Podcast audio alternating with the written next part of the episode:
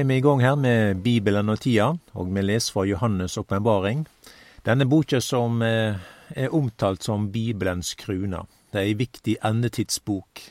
Og sånn er det jo med alt Guds ord. En må be om at eh, andens lys og veiledning når en leser. Det som eh, salmisten sier, det at du må åpne opp mine øyne, så jeg kan skue de underfulle ting i de lov. I kapittel 17 og 18 så er det jo i Johannes' åpenbaring så er det sjøkja, og det er dyret som er omtalt. Og på denne måten så ser vi da at endetida har både et eh, religiøst og et eh, samlende preg. Det har noe med det politiske eh, med seg også. Disse kapitlene tar oss rett inn i endetidsdramatikken og i disse her sju trengselsårene. Dette dyret som er omtalt, eh, bruker sjøkja sitt eh, kontakt, eh, kontaktnett til fordel for seg sjøl. Og når tida da er inne, så kvitter dyret seg med sjøkja, og dyret vil være aleine om å ha oppmerksomheten. Det er dyret sjøl som vil ha tilbedelse og makt. Og dette er noe som eh, Antikrist ikke vil dele med noen. Han vil være aleine om dette her, tilbe, og verta tilbedt da.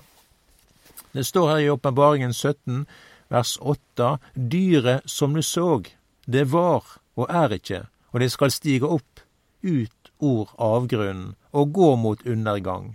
Og de som bor på jorda, de som ikke fra været vart grunnlagd, har navnet sitt eh, skrevet i livsens bok. De skal undre seg når de ser at dyret var og ikke er, og skal komme att. Dyret, det representerer et rike, et imperium, og på samme måte som du en har Romerriket, du har grekerne og perserne og det babylonske riket, så er dette noe som har vært, men som på nytt skal komme i endetida igjen, da. Og eh, det er jo mange som mener at dette riket er det romerske riket. Og det er ikke noen grunn for at det ikke skulle være eh, da, da.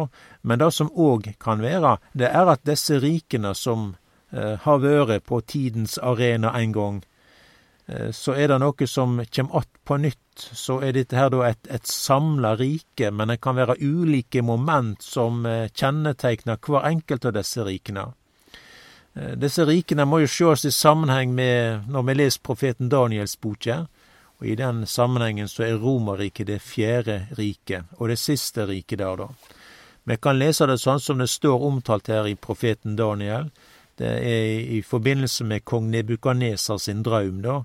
Og Daniel, da, som forteller kongen både hva han har drømt, og hva drømmen betyr. Kapittel 2 vers 31. Konge, i synet såg du en veldig billedstøtte. Den var ei overlag stor billedstøtte, og hun skein med en strålende glans. Hun sto beint framfor deg og var skremmelig å sjå. Hovedet på billedstøtta var fint gull, brøstet og armene av sølv, buken og hoftene av kåper, beina av jern, føttene dels av jern, dels av leira. Medan du stod og så på, vart en eh, stein reven laus, men ikke med hender. Han trefte føttene på billedstøtta som var av jern og leira, og knuste dei. Da vart det knust på ein gang, både jernet og leira, kåperen og sølvet og gullet. Det vart som agnet for tresjeplassene om sommeren, vinden tok det så det ikkje fanst et grann att men stein som råka billedstøtta, vart til et stort fjell som fylte heile jorda. Dette er da innholdet i drømmen, og i fortsettelsen fortell Daniel til kongen hva dette betyr. Står i vers 37 der. Konge, du er konge over kongene. Himmelens Gud har gjeve deg rike og makte og styrken og æra menneskeborna overalt der dei bur, dyra på marka og fuglane under himmelen, alle har Han gjeve i di hand og gjort deg til herre over dei. Du er hovudet av gull. Men etter deg skal det stige fram et anna rike, ringere enn ditt, og så et tredje rike, av kåper, og eh, som skal råde over heile jorda. Siden skal det komme et fjerde rike, som skal være sterkt som jern liksom jernet knuser og slår sund alt. Slik skal dette riket lik knusende jern slå i sund og knase alle de andre rike. Men når du så at føttene og tærne var dels av pottermakerleire, dels av jern, så tyder det at, at riket skal være et delt rike. Det skal være noe av styrken til jernet i seg, ettersom du så at jernet var blanda med leira. Og eh, det at føttene Tærne på føttene var dels av jern, dels av leire. Det tyder at riket dels skal være sterkt og dels veikt. Og når du så at jernet var blanda med leire, så tyder det at det skal blande seg med hverandre når de gifter seg. Men de vil likevel ikke holde sammen, liksom jern ikke blander seg med leire. Og når disse kongene har sin tid, da vil himmelens Gud reise opp et rike som aldri evig skal gå til grunne. Dette riket skal ikke verta gjeve over til noko anna folk, det skal knuse og gjere ende på alle de andre rika, men sjøl skal det stå til evig tid. Du så da at steinen vart reven laus fra fjellet, men ikke av menneskehender, og han knuste jernet, kåpene og leire og sølvet og gullet, den store Gud har nå kunngjort for kongen hva heret, som heretter skal hende. Draumen er sann, og tydninga kan en lite på. Da, da kasta kong Nebukaneser seg med ansiktet mot jorda og hylla Daniel, og han bau at de skulle bære fram offer og røykelse for han. Når det vert sagt da til kong Nebukaneser at du, konge, du er hovedet av gull, så får vi også eh, presentert denne delen av billedstøtta, og det har med det babylonske riket. Det er den øverste delen. Og når jeg da leser i fortsettelsen av profeten Daniels boke, så skjer det et skifte av riket. Og det er det medopersiske riket som da tek det babylonske riket. Og denne overgangen leser vi i kapittel fem og seks. I Bibelen vår så er det jo en del historier fra det persiske riket. Vi har til dømes Kyros, og det er jo han som eh, får jødene til å vende tilbake til, eh, til Jerusalem og Juda, da, fra fangenskapet i Babel. Vi har også fortelling om Ester.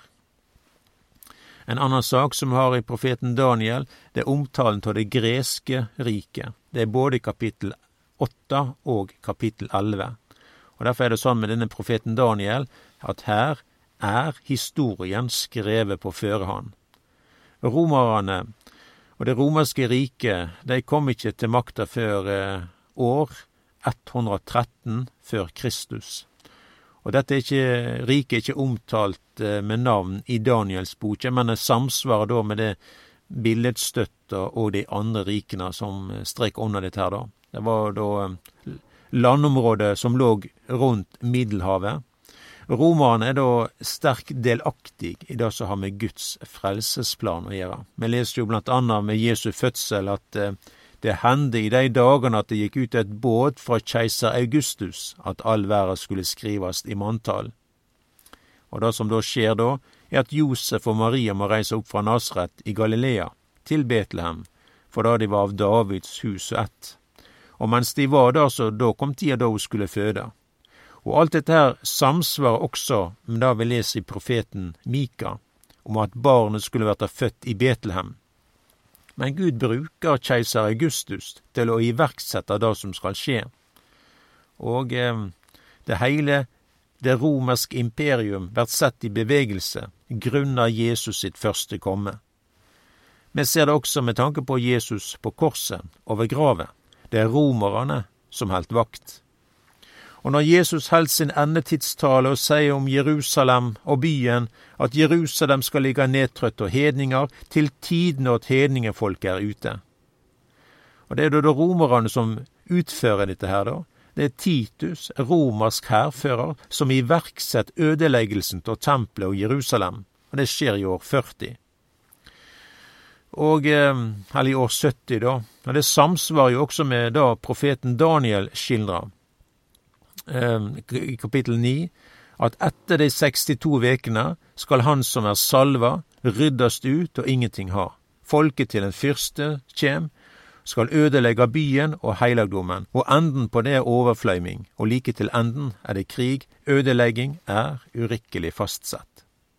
Så Bibelen den er nøyaktig, og den skildrer det sånn som, eh, Ja, det, det verdt alltid sånn som Herren han har sagt det. Bibelen er verdenshistorien som er skrevet på førehånd. Og Bibelen burde få enda mer oppmerksomhet. Hele Bibelen er jo et frelsesdokument. Og det som er sagt angående dette her, da, det er at dette riket, et rike som var, som vi leste her, dyret som du så, det var og ikke er, og det skal stige opp ut ord avgrunn og gå mot undergang. Så dette kan være det romerske riket. I kapittel sju av profeten Daniel så får vi også disse rikene omtalt som et dyr. Og det har denne parallell mellom verdens riker og omtale av dyret. På samme måte så har vi òg her i Johannes' åpenbaring. Og da er det kapittel 17 om dyret. Det er et rike, det er en politisk sak, det er Antikrist. Og Guds motstander er dette her, da som stiger fram, og det er tall om ti horn, og disse horna betyr en konge. Det står i vers 20 da i Daniel 7. Jeg ønskte òg å få greie på de ti horna som dyr hadde på hovedet, og det nye hornet som skaut opp og gjorde at tre av de andre horna fall av. Det hornet som hadde auge og en munn som taler store ord, og det var større å sjå til enn de andre. Og Dette samsvarer jo også med det vi leser i Åpenbaringen 17. De ti horna som du så, er ti konger som ennå ikke har fått rike. De har fått makt som konger i én time sammen med dyret.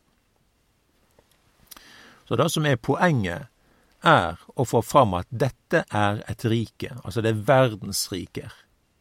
Dette er noe som har vært tidligere, og nå det blir også omtalt som dyr.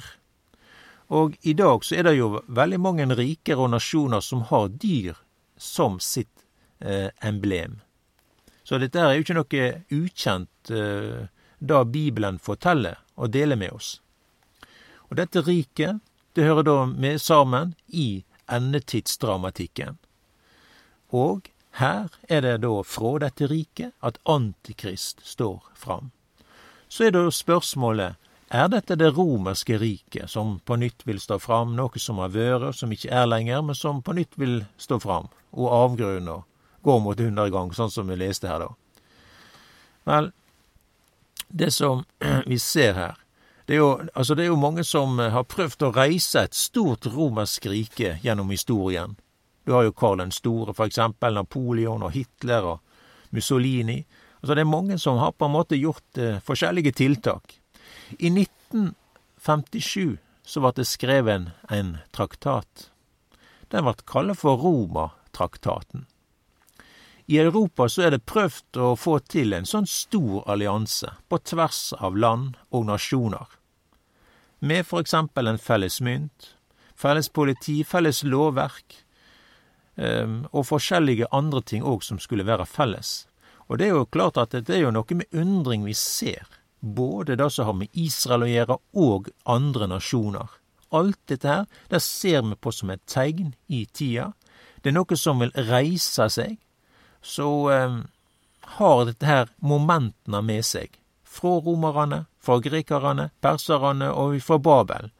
Altså, de, de vil ta ulike moment eh, ifra hverandre, og dette her vil på en måte være noe samlende i et nytt rike. Dette riket her, som Bibelen skildrer vil komme, et verdensrike, det har ingen framtid. Vi leser her i vers 14 i Åpenbaringen 17. Disse skal føre krig mot lammet, men lammet skal sigre over dei, fordi han er herre over herrene og konge over kongene, Sigre sammen med dei som er med lammet, dei som er kalla og utvalgte og trufaste. Så det som jeg tar med her, er òg at det skal komme et Guds rike på jorda. Her står det at Jesus skal være konge over heile jorda. Og det er da et rike som har sin varighet i tusen år. I denne periode vil Satan være bunden. Det skildrer her i Åpenbaringen 20 og vers 2. Han greip dragen, den gamle ormen, som er djevelen og Satan, og batt han for tusen år. Vi skal komme tilbake til disse veldige sanningene, men la det være sagt at under denne kongetida så har Jesus ei brud ved si side, og det er menigheten. Jesus kjem snart igjen.